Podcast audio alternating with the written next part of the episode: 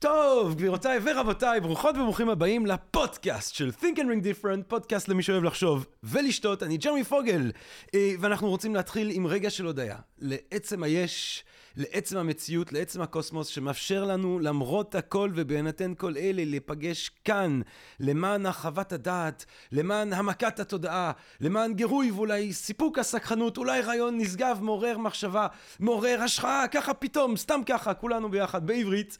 אה, ואנחנו רוצים גם להודות לסקרינס.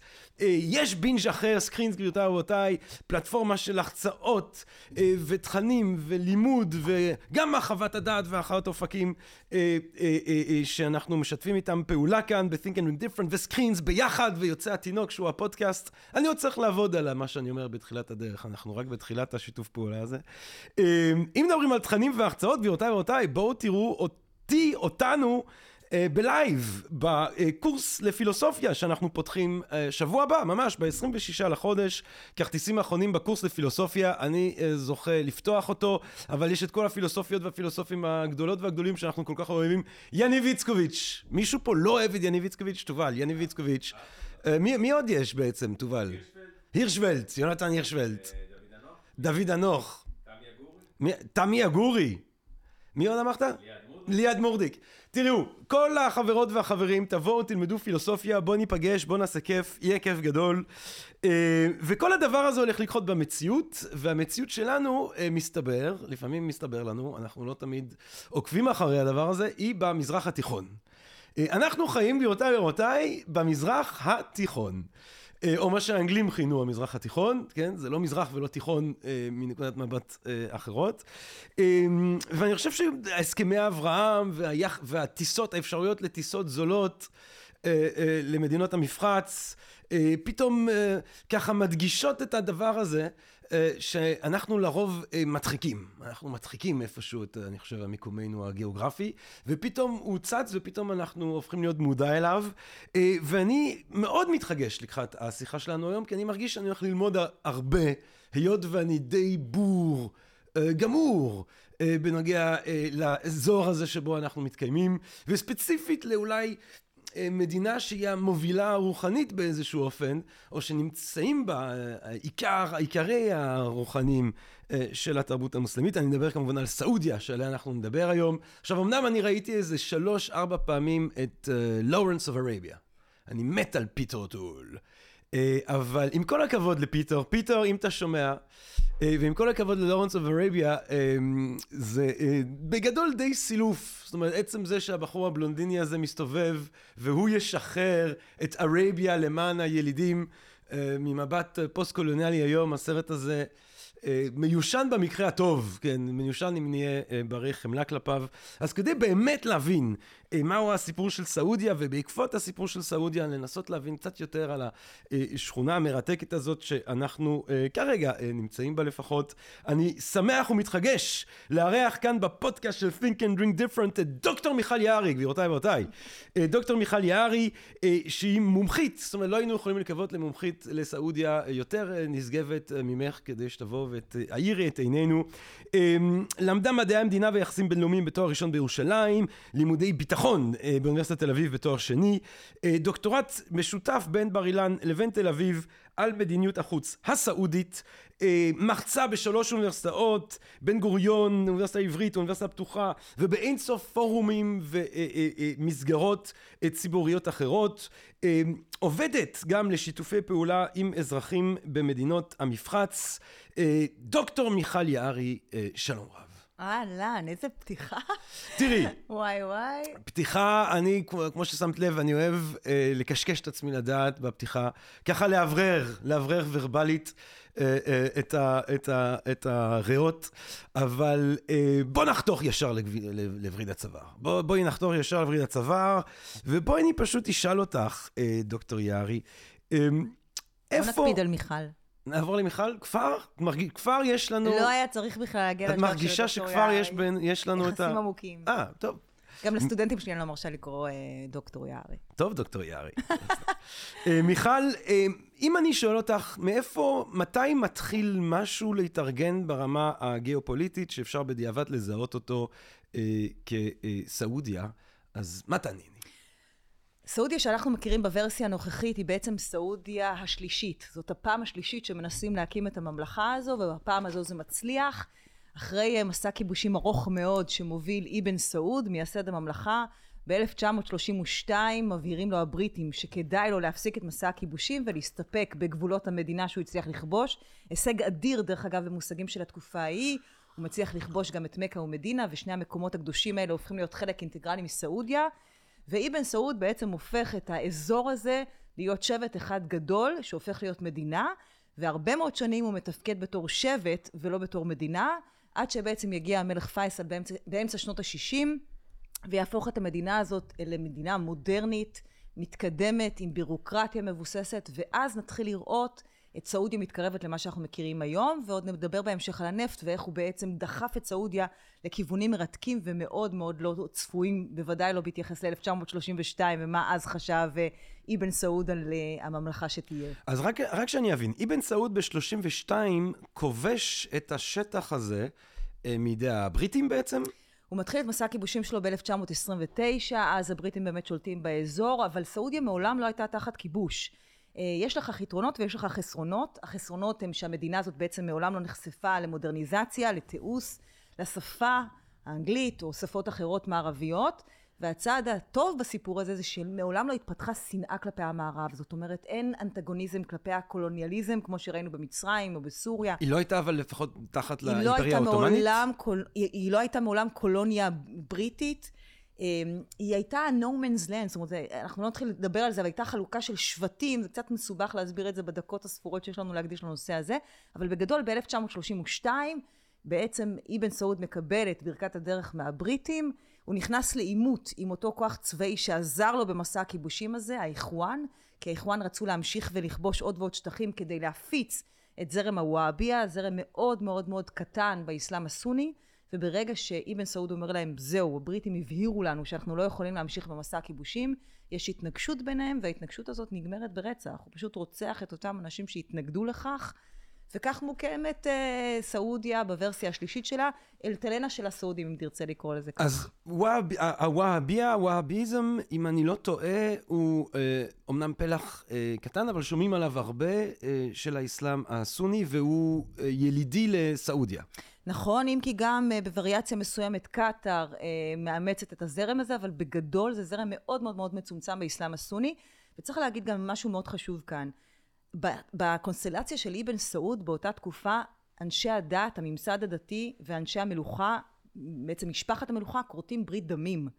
רק כאשר יבוא מוחמד בן סלמן, בסוף סוף סוף אה, הקדנציה, כמו שאנחנו מכירים אותה היום, זאת אומרת ב-2016, רק אז בעצם ברית הדמים הזאת תעמוד במבחן מאוד מאוד קשה, והיא תתפצל. זאת אומרת, הברית הזאת תישבר, אבל במהלך הרבה מאוד שנים הממסד הדתי שירת את בית המלוכה, בית המלוכה שירת את הממסד הדתי, אם כי לא באופן סימטרי, ולכן שתי, שתי הישויות האלה היו מאוד מאוד זקוקות אחת לשנייה. כאמור, מוחמד בן סלמן יבוא ויטלטל את זה בין שאר הדברים שהוא מטלטל, כפי שאנחנו רואים היום. טוב, נגיע אליו, אבל שנייה. אז, אז, אז הוואביזם, תאפייני לי אה, באופן רחב את ה... את ה... כי, כי אני חושב שמלכתחילה, אם אנחנו מדברים על השטח הזה, מדינה, אה, מכה, אנחנו מדברים על שטח שיש לו חשיבות אה, תיאולוגית, אה, אה, אה, אפילו בכורה תיאולוגית. נכון, סעודיה בעצם מארחת בשטחה את המקום שאליו מחויבים כל המוסלמים לעלות לרגל לפחות פעם אחת נכון. בחייהם. אנקדוטה מעניינת, באלף, באמצע שנות ה-30, אחרי המשבר, המשבר הכלכלי הגדול, סעודיה עוד לא מרוויחה מהנפט, זה רחוק מאוד מזה, הפרנסה העיקרית שלה זה מהעולים לרגל, ברגע שיש את המשבר הכלכלי הגדול אין מספיק עולים לרגל, וכל המפעל הגדול הזה שנקרא סעודיה עומד על סף קריסה. היום זה כבר נראה לנו אבסורד, כי יש אה, מיליון איש שמגיעים לקיים את מצוות החאג' רק באזור ההוא. זאת אומרת, זה למעלה משלושה מיליון עולים לרגל שמגיעים בתקופות מסוימות ושונות. אבל אז, באותה תקופה, היה נראה שכל הפרויקט החדש הזה של סעודיה השלישית הולך לקרוס, בגלל שאין מספיק עולים לרגל שמממנים ומשלמים מיסים שיחזיקו את המדינה החזקה החדשה הזו. הנפט בעצם, האנגלים כבר אז אבל מודעים למשמעות האסטרטגית של הימצאות הנפט במזרח נכון, התיכון. נכון, זה גם נכון? סיפור מעניין. אה, הנפט התגלה לגמרי במקרה בסעודיה, אה, כבר אחרי שהכריזו על זה שכנראה לא יהיה נפט שם. המברק הזה שהעבירו לחברת האם בארצות הברית לא מגיע, ממשיכים לקדוח ובעצם מוצאים את הנפט. אבל רק, רק, רק במשבר האמברגו המפורסם ב-1973, רק אז בעצם הסעודים באים ומכתיבים מחירים, ועד לאותה תקופה, למרות שאופק, אותו ארגון יצואניות הנפט, כבר קיים משנות ה-60, הוא לא מצליח לתרגם את הנפט להצלחה כלכלית, ורק באמברגו, כשהסעודים מעלים דרמטית את מחירי הנפט, סעודיה פורצת קדימה, וצונאמי של כסף שוטף את הממלכה הזו, והיא מתקדמת מאוד לעבר התיעוש והמודרניזציה, hmm. והופכת להיות מדינה לא רק עשירה מאוד, אלא מדינה שקולה נשמע היטב גם בזירה האזורית וגם בזירה הבינלאומית. אולי נקדיש לזה גם אחר כך בטח, מקום. בטח, בטח. אז כמה מילים על הווהאביזם, אבל איך היית מאפיינת את התנועה הדתית תראה, הזאת? תראה, זו תנועה בעצם שקוראת לחזור למקור, mm. אבל אם אנחנו נקפוץ עוד פעם קדימה, כשאנחנו נראה את הוורסיה של אל-קאעידה, היא לקחה את זה לקיצון. כן. ובעצם אל-קאעידה עשתה משהו מאוד מעניין, שלימים גם דאעש יאמצו את זה. הם בעצם קוראים לחזור לאסלאם הקדום, אבל הם מתבססים על טכנולוגיה מאוד מאוד מתקדמת כדי להפיץ את המסרים האלה. כן. אנחנו ראינו את הסרטונים הנפלאים במרכאות, או שלא במרכאות, של דאעש, סרטונים ברמה ההוליוודית. נכון. אנחנו ראינו גם את הטכנולוגיה המתקדמת של אז, שאל-קאעידה השתמשה כדי להפיץ את המסרים, אבל בעצם המטרה היא לחזור לאסלאם הקדום. ויש הרבה מאוד ויכוח איך אפשר לפרש את התכנים האלה. היום סעודיה במצב שבו היא מתנערת מלא מעט מהוורסיות האלה, משום שהיא מבינה שבגלל הזרם הקיצוני הזה היא משלמת מחיר מאוד מאוד יקר, כלכלי, אזרחי, תרבותי, דתי, וכמובן גם אישי, כשמדובר בנשים. אז בעצם אה, אבן סעוד אה, וביתו, כן? מאיזה שבט הוא בעצם, אה, אבן סעוד? הוא... סיפור מעניין, בוא, בוא נקפוץ טיפה קדימה. כשאבן סעוד מקים את הממלכה, אחד הדברים הראשונים שהוא עושה זה להתחתן עם הרבה מאוד נשים. Mm. הוא מתחתן עם 19 נשים, אה, באסלאם מותר להתחתן עם עד 4 נשים, אז הוא מתחתן ומתגרש, והוא לא עושה את זה מאהבה גדולה, הוא פשוט בונה לעצמו את בסיסי הכוח, הוא מתחתן עם הבנות של ראשי השבטים, עם הבנות של הממסד הדתי, עם הבנות של הסוחרים, וככה בעצם הוא בונה לעצמו חגורת ביטחון, הוא יוצר קשר דם, ואז הוא יכול להבטיח את שלטונו. לא מעט בנים נולדים מהסיפור הזה, הערכות מדברות על בערך 47 בנים, אנחנו לא יודעים במדויק, בנות כמובן לא סופרים, והשאלה המעניינת מכל היא כמה נסיכים יש היום בבית המלוכה. שוב, הערכות מאוד לא מדויקות, מדברות על למעלה מעשרת אלפים. וואו. לך תבחר יורש עצר עתידי מתוך פול של עשרת אלפים, וכשאתה בוחר עכשיו יורש עצר שהוא מתמנה לתפקיד שלו בתחילת שנות השלושים, הוא הולך כנראה להיות הרבה מאוד שנים בתפקיד, זה יוצר פקק עצום בתוך בית המלוכה לגבי יורש העצר הבא. אז מי, מי, איך בעצם זה מתגלגל הלאה? איך, איך, מה, איזה סוג של, איך אבן סעוד הצליח בכל זאת לכונן איזושהי סוג של יציבות שלטונית אה, תורשתית? תראה, קודם כל הוא עושה מהלך מאוד חכם. הוא מחליט שכל המלכים הבאים של סעודיה יהיו בקשר דם שלו. זאת אומרת, הם חייבים להיות הצאצאים שלו. בשלב הראשון זה עובר לבן שלו, לסעוד. המלך הראשון שמגיע אחרי אבן סעוד הוא גרוע מאוד, סעוד. הוא בעצם המלך היחיד בתקופה של סעודיה עד היום שהודח על ידי בני המשפחה שלו. וואלה. כן, ומאותו רגע ואילך אה, השל... המלוכה בעצם עוברת מאח לאח ולא מבן, מאב לבן. והמשמעות היא שמי שמגיע להנהיג את בית המלוכה, מי שמגיע להנהיג את המדינה הזו, הוא אדם שצבר הרבה מאוד ניסיון במערכות הפוליטיות, אדם עם יכולות מאוד מאוד רציניות, עם חזון, אדם שהאמונה הדתית שלו לא מוטלת בספק, ולא בכדי מגיע המלך פייסל אחרי סעוד, ומראה בעצם לאן המדינה הזאת יכולה להתקדם. בכלל, המלך פייסל הוא בעיניי המלך שהוא אהוב ביותר. המלך פייסל הוא בן אדם uh, מאוד מאוד מיוחד. מאוד כן, מיוחד. כן. הוא uh, הצליח להביא ליכולת באמת לא שגרתית של שילוב בין דת ומודרנה. הוא מראה איך מדינה מצד אחד יכולה לש, לשמור על הזהות הבסיסית, האותנטית, התרבותית שלה, ויחד עם זאת הוא מבין את החשיבות האדירה שבהפיכת המדינה הזאת משבט אחד גדול למדינה עם מודרניזציה, עם בירוקרטיה, עם אדמיניסטרציה. הוא מכניס את מקלטי הטלוויזיה פנימה, hmm. הוא נותן לבנות ללמוד, הוא יוצר קשרים עם המערב, אה, הוא מאוד מאוד מבין את הסביבה שבתוכה הוא חי, והוא יוצר איזשהו מרקם מאוד עדין ומיוחד שמלווה את סעודיה הרבה מאוד שנים, כשמצד אחד יש את הדת, ומצד שני יש את החיים המודרניים, והם לא מפריעים זה לזה, אלא להפך הם מזינים זה את זה. מתי תבוא ההתנגשות? כשהדת או אנשי הדת מכרסמים במודרניזציה, פוגעים במהות של המדינה הזאת, ביכולת שלה להתקדם, ויגיע מוחמד בן סלמן ויקטע את זה אה, עד, עד בעצם ניתוק מוחלט מהממסד הדתי. אני רוצה כמובן לחזור לנושא הזה, אבל עוד איזה אה, סוגריים עם המלך פייסל. אני טועה אם אני אומר שהיה דווקא לא איזשהו יחס, לפחות פחות שלילי כלפי מה שקרה כאן, ו... פייסל שנא שנאת מוות את היהודים. מה את ואת אומרת? הציונים, מה את אומרת? והוא האשים אותנו... קראתי- למה קראתי- אה, להפך. לא, אני אה, טועה. אני אספר לך יותר מזה. אה, פייסל, אה, הוא עד כדי כך שנא אותנו, שהוא בעצם שם אותנו יחד עם הקומוניסטים, אנחנו אשמים בצרות של כל העולם. וכשיגיע משבר האמברגו... טוב, גם הקומוניסטים הם יהודים. כן. נכון, תובל? אבל האירוניה הגדולה, שכשיגיע משבר הנפט, האמברגו. המפורסם שסעודיה מטילה בעצם על אה, המעצמות הגדולות בעולם, ויהיה ממש חשש אמיתי שארצות הברית תכבוש את סעודיה כדי להפסיק את האמברגו הזה, מי שיישלח כדי לשים קץ למשבר הזה, זה לא אחר מאשר קיסינג'ר היהודי והציוני. בטח, בטח. ופייסל. מעביר אותו שם אה, מסע ייסורים לא פשוט, אבל קיסינג'ר זה קיצ'נדר- קיסינג'ר והוא מצליח לפתור את המשבר בהצלחה רבה. טוב, תמיד כשעומד מאחוריך צבא אמריקאי, אז אתה הרבה יותר משכנע. אה, אם כי הסעודים עשו פה את מה שהם, הם עשו אז במ- במשבר הנפט, את מה שהם עושים היום לאמריקאים, והם הראו להם שלא כל כך מהר שוברים אותם. אבל רק שנייה, אז אני חושב, פייסל היה, יש את המלך פייסל שיורש את אבן סעוד.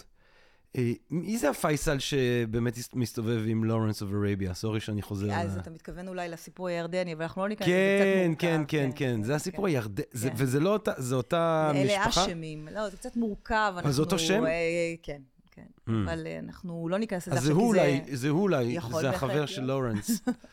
אבל הפייסל הזה, המלך? פייסל, הוא ממש לא מחבב אותנו. לא מחבב אותנו לא, בכלל. לא. אבל אוקיי, אז, אבל אז, אז את אומרת אבן סעוד והמלך פייסל, והמלך פייסל בפרט, הוא מכניס טלוויזיות, הוא נותן לבנות אה, ללמוד, הוא כאילו, לפי מה שאת אומרת, מצליח לקיים איזשהו סוג של איזון כלשהו בין אנשי הוא הדת. עושה משהו יותר חכם, הוא מבין בעצם את הגבולות, את גבולות הגזרה של המדינה שבתוכה הוא חי. הוא מבין שחייבים להכניס מודרניזציה, כי אחרת המדינה הזאת תתפרק, היא לא יכולה להמשיך לחיות כמו שבט. מצד שני, הוא יודע שהזהות הדתית היא כל כך אה, אה, מאורגת, היא כל כך בסיסית בתוך התושבים, שאי אפשר לטלטל את המדינה הזאת עם מודרניזציה בצורה קיצונית מדי. אה, דרך אגב, לימים זה מה שיביא למותו. אה, הוא מחליט להכניס את מקלטי הטלוויזיה לתוך סעודיה, הוא מעורר התנגדות מאוד מאוד גדולה בקרב אה, אנשי הדת, הממסד הדתי, מתארגנות הפגנות. אה, באחת ההפגנות האלה נהרג האחיין שלו על ידי כוחות הביטחון, ולימים האח של אותו אחיין של המלך יגיע לביתו של המלך יחד עם עיתונאי מכווית, יוציא אקדח מטווח אפס ויירה במלך פייסל, והמלך פייסל שבעיניי היה המלך הטוב ביותר בתולדות סעודיה, יירצח אה, שנים ספורות אחרי שהוא נבחר לתפקיד. וואו. כן. על ידי אחיין, אה, אח, אחיינו, אחיין. אחיינו, כן. טוב, אבל יש לו הרבה אחיינים. זה נכון. זאת אומרת, זה כבר סטטיסטית הופך להיות סיכוי כן. טוב שאם תירצח בסעודיה, זה יהיה אחיין, אם אתה אה, פייסל. דרך אגב, זה לא ניסיון ההתנגשות היחיד שהיה בתוך בית המלוכה, היו עוד כמה כאלה, אבל, אה, כן. אבל זה, זה הטרגי מכולם. אז שנייה, אז אה, כשאת אמרת שהוא, המלך פייסל, הצליח ליצור בכל זאת איזשהו סוג של איזון עד שאנשי הדת באו וכרסמו באיזון הזה, מתי זה, מתי זה קורה? מתי, ה, מתי סעודיה הופכת להיות קצת המקום שאולי אנחנו חושבים עליו בשנים האחרונות, שהוא מקום מאוד מאוד מאוד קיצוני, הוצאות להורג, מסיביות. הוצאות ל- להורג הן לא בהכרח קשורות לדת, אתה יכול לראות את אותו דבר גם קורה בסין, אה, וסין היא לא נכון. מדינה דתית. אבל- אה, אבל דרך בסין אגב, לא על רוצים אותך השלישייה להורג על- הפותחת, על- אה, על- יש לך את איראן, את סעודיה ואת סין. אה, סעודיה לפני כמה שבועות שברה את השיא של עצמה. והוציאה 87 להורג אנשים. 81 איש, 81. לעומת שנה שעברה, שזה רק 64, אבל סעודיה לא, בדיוק במגמת ברור שיפור. שגם בארצות הברית, ברור שיש מדינות אה, מחולנות, או סין לחלוטין, שיש בה הוצאה להורג. העניין הוא שהרבה פעמים העילה להוצאה להורג בערב סעודית היא עילה תיאולוגית או אה, דתית. השאלה איך אתה מפרש את זה, כי בעצם. נגיד בגידה. באופן הרשמי לא, ההוצאות להורג באופן רשמי הם על פי רוב אה, בגלל השתייכות לארגוני טרור, בגלל השתייכות לארגונים שמנסים לחבל בביטחון המדינה. בשוליים של השוליים, אם בכלל, תמצא סיבות דתיות. אה, למשל, בהוצאות להורג האחרונות היה מדובר או באנשים שפגעו בכוחות הביטחון, או באנשים שהשתייכו לארגוני טרור. אה, להגיד לך על שנים קודמות, אני לא יודעת, חוץ מזה, אתה יודע, בוא ניקח בערבון מוגבל את הסיבות ללמה מוצאים אנשים להורג. אני בטוחה שחלק לא מבוטל מהם הם פשוט אה, פעילי זכויות אדם, שהופכים אותם להיות אה, טרוריסטים. אז בעצם מדובר על אה, רצחים פוליטיים כמעט. אני לא אתפלא אם ככה העניין, אבל שוב, אין לנו שום יכולת לדעת את זה, כי הם כמובן משחררים את האינפורמציה הזו, ואין אין, מה עם אין צורות. אחרות של ענישה אה, דתית, מסורתית? אם זה להוריד אה, אז, אז בואו נס... גפיים בוא או נדבר רגע? על, הממסד הדתי, כי זה. סיפור אה, מאוד מעניין. הממסד הדתי והממסד הפוליטי, המלוכני, שירתו נאמנה זה את זה. באיזה מובן? הממסד הדתי מעולם לא התערב בסוגיות פוליטיות. זה לא המקום שלו, הוא לא יכול להיכנס לשם. אבל מה הוא כן קיבל? הוא קיבל שליטה מוחלטת, מונופול, על חיי התרבות, הדת והמשפט. ובתמורה לזה הוא נתן תמיכה מלאה לבית המלוכה. זאת אומרת, הוא נתן את ההכשר הדתי לכך שהמלך שהתמנה, הוא יכול להיות בתפקיד הזה, כי הוא אה, לעילה ולעילה מבחינה דתית. עכשיו, במהלך השנים, זה שירת מאוד גם את בית המלוכה וגם את הממסד הדתי. הממסד הדתי צבר עוד ועוד ועוד כוח ומשרות וכסף, ובית המלוכה זכה להרבה מאוד יוקרה דתית בגלל הגושפנקה הזאת שהוא קיבל מהממסד הדתי. אלא שהדברים האלה הלכו והקצינו באופן דרמטי עם השנים. הראשונות לשלם את המחיר כמובן היו הנשים, וכל הדבר הזה החריף שבעתיים כשחומני ב-1979 עולה לשלטון. הוא אה, מבקר בצורה חסרת תקדים את בית המלוכה על זה שהוא בגד באסלאם האמיתי, על זה שהוא כרת ברית עם המערב, האימפריאליסטי, ההדוניסט, ואז הממסד הדתי יחד עם בית המלוכה מקצינים את אורח החיים, והחיים שם עבור לא מעט אזרחים הופכים להיות בלתי נסבלים. אני אתן לך ככה תמונת מצב בטח, של בטח. אה, אזרח בן 20, בסדר? סתם דוגמה אקראית לחלוטין. אנחנו תכף נגיע לחיים העוד יותר גרועים של אזרחית בגיל הזה. אתה רוצה ללכת... על אה, איזה תקופה את מדברת עכשיו? אנחנו מדברים ממש עד לבואו של מוחמד בן סלמן, Mm. והדבר הזה הוא, הוא, הוא מתקדם ומחריף עם הזמן. זאת אומרת, אנחנו מדברים פה על תהליך אבולוציוני שנהיה יותר ויותר קשה. אה, אתה רוצה לנגן עם החברים שלך בגיטרה, אתה הולך לפארק, ואתה לוקח איתך את הגיטרה, יושבים בפארק, מנגנים, תבוא משטרת הדת, אותה משטרה שאחראית על שמירת הנורמות והמוסר, אה, ותגיד לך שמה שאתה עושה זה לא האסלאם האמיתי, תשבור לך את הגיטרה, תשבור לך את הידיים, וכל הדברים האלה אנחנו גם יודעים כי זה מצולם במצלמות נסתרות, אז לנגן אי אפשר. אתה רוצה ללכת לראות הופעה מוזיקלית, אז אי אפשר, יש סוגים מאוד מאוד מסוימים של מוזיקה, ולרוב האנשים זה בכלל לא רלוונטי. למה? כי זה נוגד את האסלאם האמיתי. אתה רוצה ללכת לראות סרט, 40 שנה אין בתי קולנוע בסעודיה, למה? אוי ואבוי, גברים ונשים ישבו יחד בחושך, תכנים מזיקים, 40 שנה אין סרטים. אתה רוצה ללכת לאכול, יש כניסות נפרדות לגברים ונשים, יש הפרדות בין משפחות לבין רווקים. המקום היחיד שאתה עוד איכשהו יכול ליהנות זה הקניון, וגם שם, בזמן שאתה אוכל לך בכיף עם החברים שלך, תבוא משטרת הדת באמצע האוכל, תרים אותך ותכריח אותך ללכת להתפלל. אותה משטרה תיכנס לתוך חנויות של קוסמטיקה ותאסור על נשים להתאפר. למה? כי זאת הפרשנות שלהם לאסלאם האמיתי. זאת אומרת, החיים הפכו להיות באמת קשים ביותר. עכשיו, עבור נשים זה בכלל סיפור מטורף. אם אנחנו נספיק גם לדבר על הלבוש, איך הקצינו עם השנים את הלבוש שלהם, עד שפשוט בעצם העלימו אותם, מחקו כל צלם אנוש באמצעות הלבוש. והממסד הדתי נוגס ונוגס ונוגס בעוד ועוד אישה תחומים. לא יכולה להיות בציבור בלי בן משפחה או מישהו שלוקח זה עליה מה שאנחנו קוראים חסות. משטר אפוטרופסות, נכון מאוד. דרך אגב, זה לא משהו ייחודי רק לסעודיה, יש את זה במדינות נוספות, במיוחד אה, מדינות שמרניות, בקטאר אפשר למצוא את זה בתימן. אה, הסיפור הוא כזה, בעצם עד לבואו של מוחמד בן סלמן, ושוב, זה נורא תלוי משפחה, אבל בגדול אפשר להגיד שהאישה, כל אישה, מיום היוולדה ועד יום מותה, קשורה לאפוטרופוס, שזה יכול להיות אבא שלה, אח שלה, בעלה, לעתים אפילו בנה הקטין, אה, אדם שהוא בקשר דם ראשוני איתה, והוא אחראי על כל המהלכים בחיים שלה, מההחלטות הקטנות ועד הגדולות. ממה זה נובע? האישה בעצם היא קטינה. היא לא יודעת להבחין בין טוב לרע, היא צריכה את הגבר. היא לא ישות אה, היא לא ישות אוטונומית. עצמאית, ממש לא, אה, והוא בעצם מגן עליה מפני הגברים הטורפים שמחכים לה בחוץ, והמשמעות היא שהחלטות שאנחנו מקבלים אותן, אנחנו מקבלות אותן, בלי בכלל לחשוב על זה שקיבלנו כרגע החלטה, ההחלטות האלה חייבות לעבור דרך האפוטרופוס. עם מי להתחתן, איזה סוג של טיפול רפואי לקבל, איפה ללמוד, איך לצאת לחו"ל, מה ללבוש, עם מי לדבר. כל ההחלטות האלה שהן החלטות כל כך כל כך רגילות אצלנו, בעצם צריכות לעבור דרך האישור שלו. עכשיו, אם האפוטרופוס הוא בן אדם שאוהב אותה, שאכפת לו ממנה, אז החיים שלו יהיו סבירים. אבל אם זה אדם שמשתמש בכוח שלו כדי לאמלל את החיים שלה, היא לא יכולה לברוח מזה. היו לא מעט סיפורים של בנות, אה, בדרך כלל בנות אה, באזור אה, גיל 18, 20, 22, שניסו לברוח מהדבר הזה. בחלק מהמקרים אפילו הצליחו להימלט מהמדינה, וכשנמלטו כבר סוף סוף מהמדינה הזאת, הם ראו שאף אחד לא מחכה להן בחוץ, והיו כמה מקרי התאבדות מאוד קשים ומטלטלים. היה את הסיפור המפורסם של רחף, ילדה בת אה, 18, שברחה מהמשפחה המתעללת שלה, היא היא התכוונה להגיע לאוסטרליה והיא נתקעה בסוף בשדה התעופה בבנקוק, אה, הסתגרה באחד מחדרי המלון שם, אה, ואיזו עיתונאית אוסטרלית ראתה אותה, ליוותה את כל הסיפור שלה, כל הסיפור שלה בעצם עובר לטוויטר, ושם עוד ועוד ארגוני זכויות אדם נלחמים על, על זכותה לחיות, על זכותה לא לחזור לסעודיה, בזמן שכוחות הביטחון הסעודים באים כדי להחזיר אותה הביתה. בסוף היא מקבלת מקלט אה, בקנדה, אבל יש מאות אלפי נשים שנגזר עליהם לחיות חיים אומללים, נוראיים, קשים ביותר, ואין דרך להימלט מזה.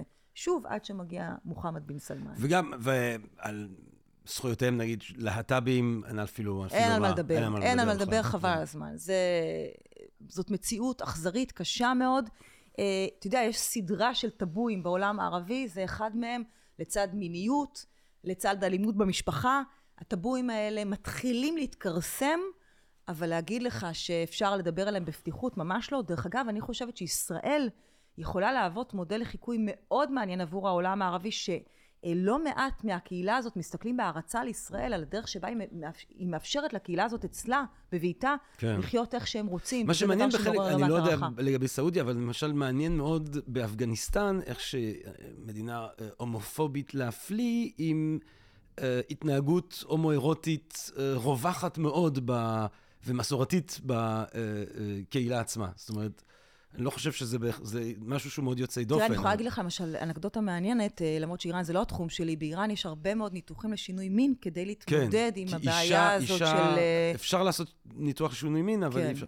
אמ, אני רוצה שנייה להבין מה זה הממסד הדתי הזה ש, שאת מדברת עליו. אה, אה, מי, מי, מי שם אה, האפיפיור? מי שם... ה- איך זה עובד? אז יש את הדמויות הבולטות, אבל בגדול הפרשנות שלהם היא זאת שמכתיבה. עכשיו, הבעיה העיקרית היא שלא הייתה אלטרנטיבה. זה היה, זה היה מונופול, זה נשלט על ידם, זה נשלט בתרבות. מי זה הם?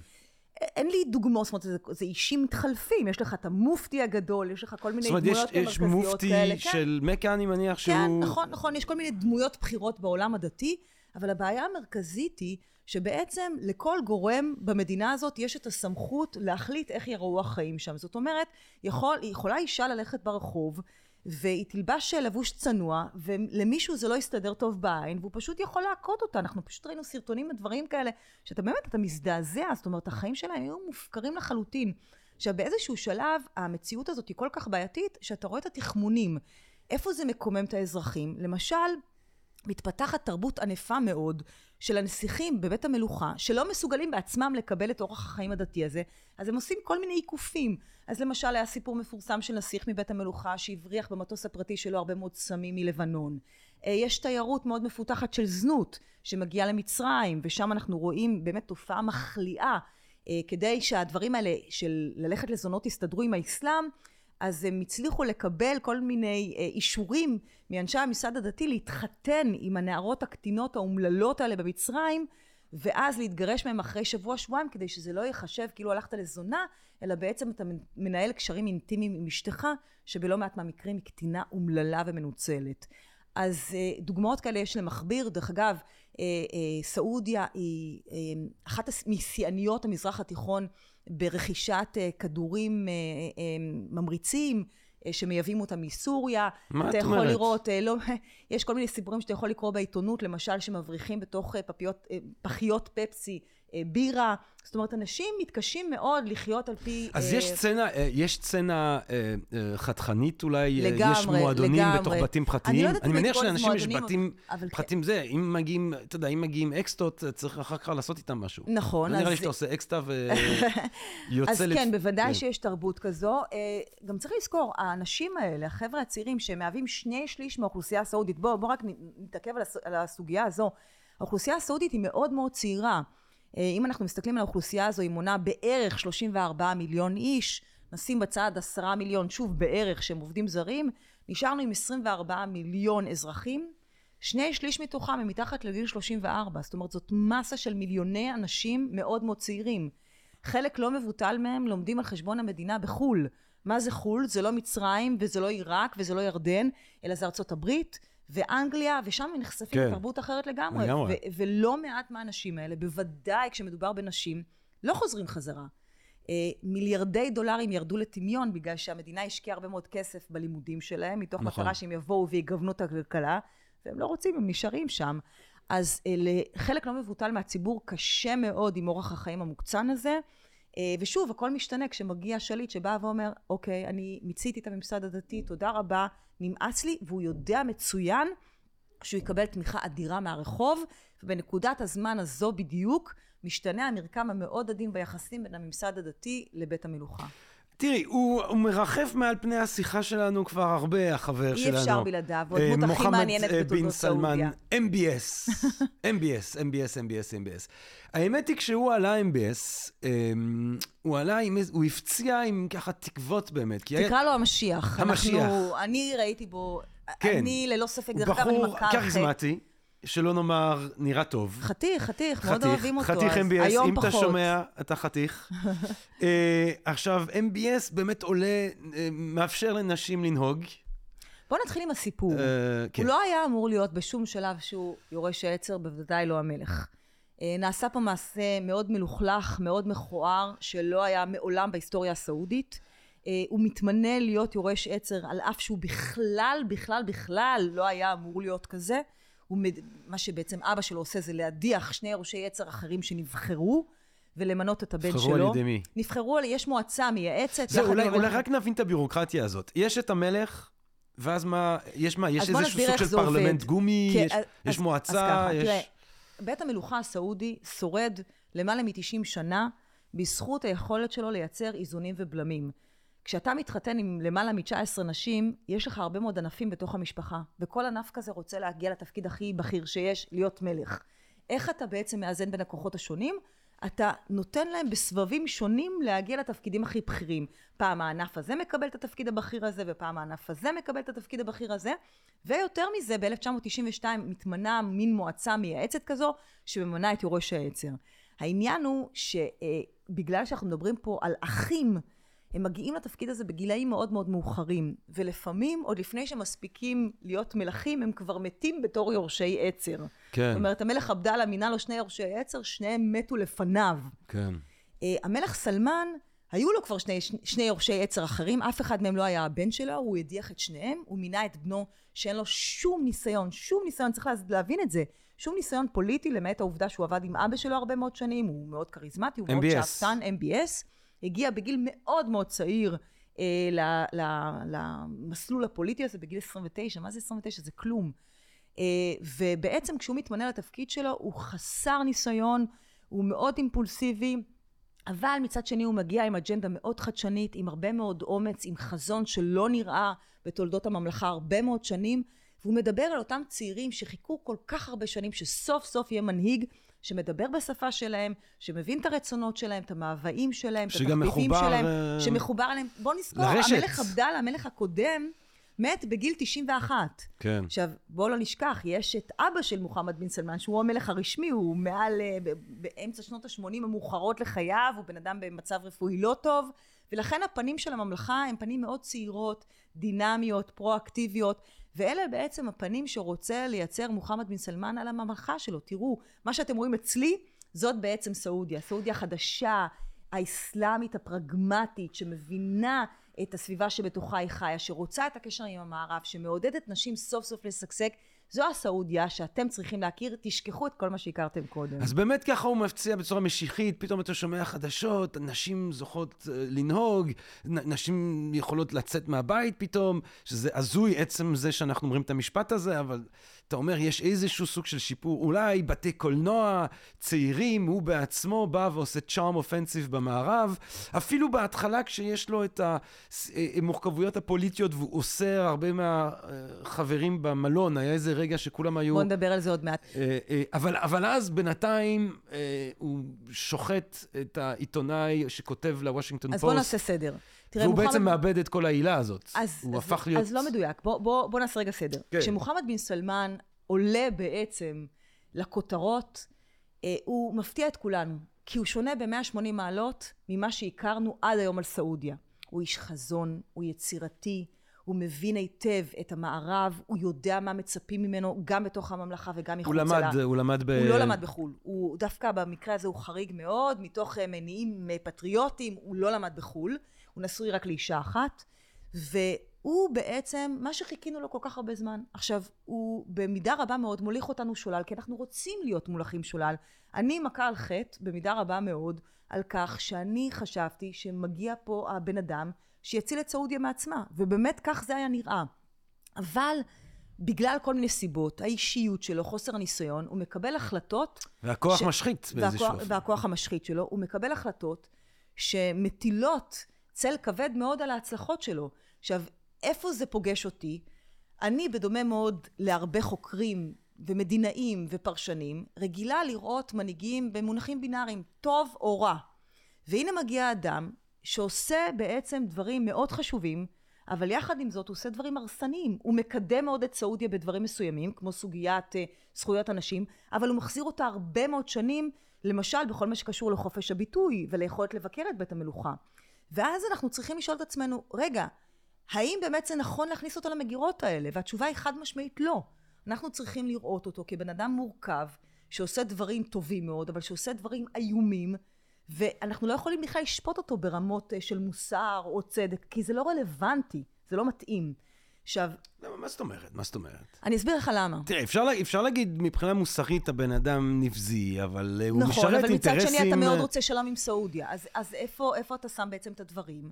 האם, אני אתן לך דוגמה, בסדר? אני הייתי פעם אחת באחד הכנסים היותר מעניינים שהייתי בהם אה, במהלך ההיסטוריה האקדמית שלי, אמ, כנס עם הרבה מאוד אזרחים ממדינות ערב, ועל הבמה יושב אה, אדם שהיה בתפקיד מאוד בכיר בממשל האמריקאי, זמן קצר מאוד אחרי שרצחו את, אה, את העיתונאי הסעודי, ובעצם אני שואלת אותו... את שמו, תמיד... חשוג'י. כן, זה שם שקשה כן, להגיד. כן, קשה. בטורקיה, סיפור נורא, מנסחים אותו וכולי. תכף, כן. תכף נגיע לזה. אה, ואני שואלת את אותו בכיר אמריקאי אה, שאלה שהייתה נראית לי לגמרי פשוטה. מה הקווים האדומים של הממשל האמריקאי ביחס לסעודיה? נפט? ולא. ואז הוא אומר לי, אין, אין, אין קווים אדומים. זאת אומרת, מעולם לא חשבנו על זה. ארצות הברית לא באמת נתנה את דעתה מה הם הקווים האדומים. עכשיו, תראה, ארצות הברית מאוד הזדעזעה מהרצח של העיתונאי הזה, כי א', זה היה על אדמתה, זאת אומרת, זה לא על אדמתה פיזית, אבל בסוף הוא כתב בוושינגטון פוסט, בעיתון השני בחשיבותו בארצות הברית. וב', היה בזה איזשהו אה, סיפור מאוד דרמטי, זה היה סיפור מתגלגל. אף אחד לא האמין, אף אחד לא שיער שהבן אדם הזה לא יוצא מהקונסוליה הטורקי, הקונסוליה הסעודית בטורקיה.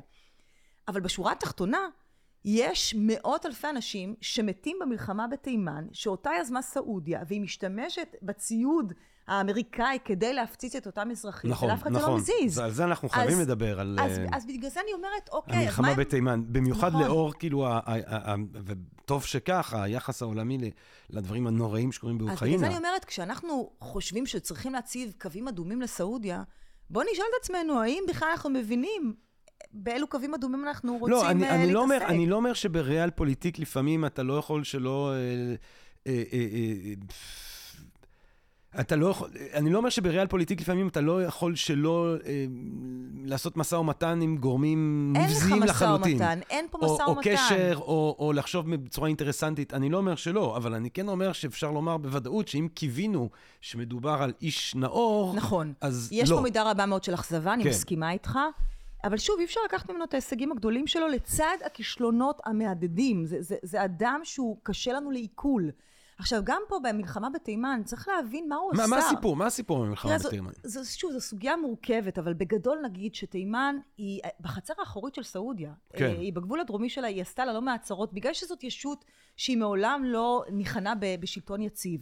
ועוד לפני המלחמה היו הרבה מאוד הברחות, הברחות של, אה, של כלי נשק, הברחות של טרוריסטים, זונות שנכנסו פנימה, סמים, זאת אומרת המדינה הזאת יצרה לא מעט בעיות עבור סעודיה.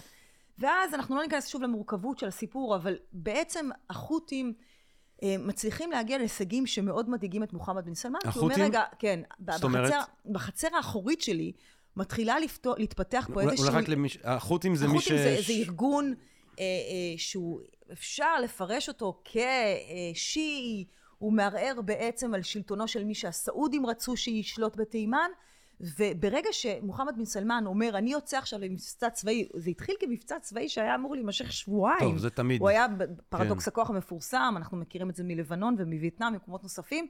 הסיפור הזה היה אמור לה- לה- להסתיים תוך שבועיים, סעודיה, מצבה הגדול והמושקע שלה, תחסל את אותו ארגון קיקיוני ובזה ייגמר הסיפור. אבל ברגע שסעודיה הכריזה מלחמה על אותו ארגון, הוא מקבל רוח גבית אדירה מאיראן, הוא משתכלל מאוד מבחינה צבאית, והיום סעודיה חוטפת מדי יום, מדי יום, מהחות'ים אה, רחפנים, אה, שמטילים עליה אה, אה, פצצות בשדות התעופה.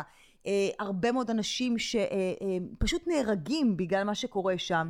אה, שלא לדבר על זה שאיראן מפציצה להם אה, מתקנים אסטרטגיים, מתקני נפט. זאת אומרת, המלחמה הזאת הפכה להיות הבוץ הווייטנמי של סעודיה, ויחד עם זאת גם הבוץ הווייטנמי של ארצות הברית, ולא פחות חשוב של איראן. וממש השבוע התפרסם שאיראן וסעודיה עומדות אה, להיכנס לסבב החמישי של הדיאלוג הישיר בין שתי המדינות האלה, כשאין לי ספק שבמרכז השיח עומד הסיפור התימני, ואיך אנחנו סוף סוף פותרים את זה. אבל, אבל, ועם כל הדאגה אה, לבוץ הווייטנמי שבהם שקעו הסעודים והאמריקאים, זה אסון הומניטרי בל יתואר מבחינת ולאף התימנים. ולאף אחד לא אכפת. לאף אחד לא אכפת. אני, אני חושבת שהמשפט הכי מהדהד היה... אה, כשיושבת אצלי חברה באחד מימי שישי כשרק התחילה המלחמה ומסתכלת על הפליטים באוקראינה ואומרת לי וואי הם נראים ממש כמונו אז זהו שהתימנים לא נראים כמונו הם מלוכלכים כן. והם עניים והם ערבים אנחנו לא רגילים לאהוב ערבים להפך אה, והם נורא נורא מסכנים אבל האוקראינים טוב, זה, זה כמו... נראה כמונו זה כן. אנחנו מכירים הם יכולים להיות טוב. השכנים שלי אני אוכל להתקל בהם במרכז השכונתי כן. תימני כזה, אני לא רגילה לראות אותו. הוא... למרות שמן הסתם יש גם אה, עולים מתימן, כמו שיש עולים מאשכנזים, כן, יש נכון, אנשים נכון, שפיזית דומים. נכון, נכון, אבל אנחנו כבר מזמן לא ראינו אותם. אבל באמת, ברגע שזו מדינה ערבית, אז אין לנו הרבה אמפתיה. מדינה ערבית, מדינה כן. ענייה, מדינה שאין לנו שום קשר אליה, ושם מתרחשות... אבל תעזבי אותנו, אה, מה... כן, העולם, לעולם המערבי אין הרבה אמפתיה. מה זה לעולם המערבי לא אכפת? בוא נגיד את הדברים בצורה הכי בוטה שיש. ארצות הברית, במיוחד ארצות הברית של טראמפ, הרוויחה מיליארדי דולרים. מעסקאות נשק כן. שתחזקו את המלחמה טוב, דונלד, הזאת. דונלד גם כאילו לא בדיוק שש uh, להאשים את אה, MBS ברצח של העיתונאי. לא שש, הוא ניקה את ידיו. כן, הדבר כן. היחיד שעניין אותו זה האופן המגוחך שבו בוצע הפשע הזה. כן. זאת אומרת, אה, הוא צוחק עליו על אה, איך טוב, הם לא הצליחו לעשות את זה כמו שצריך. אם, אם זה לא היה טרגדיה, זה היה קומדיה, האיש הזה. דונלד. אה, אם אתה שומע אותנו, דונלד. תראה, אבל מצד שני, הוא הצליח לשקם בצורה יוצאת דופן את היחסים המאוד גרועים שהיו בין סעודיה לארה"ב בתקופת אובמה. זאת אומרת, אנחנו רואים כן. שפל בתקופת אובמה, עלייה מטורפת בתקופת טראמפ, ועכשיו איזשהו שפל נוסף בתקופת ביידן. השאלה אם השפל אה, פחות טוב או יותר טוב מהעלייה, כשאתה לוקח בחשבון את כל המצב. נורא תלוי באיזה פרמטרים אתה מודד את זה. כן. תראה, בסוף יש פה אה, שתי ישויות, ארה"ב וסעודיה, שמקיימות אה, יחסים ארוכי שנים, למעלה מיובל, אה, יחסים שידעו עליות ומורדות, אבל אי אפשר לנתק בין שתי המדינות האלה, והסיבה המרכזית שאי אפשר לנתק בין שתי המדינות האלה, היא כי שתי המדינות האלה מרוויחות מאוד מהיחסים האלה, לא באופן סימטרי. שוב, גם הכוח, אנחנו נוטים לייחס פה הרבה מאוד כוח לסעודיה, אבל בסוף מדובר פה בארצות הברית הגדולה והחזקה.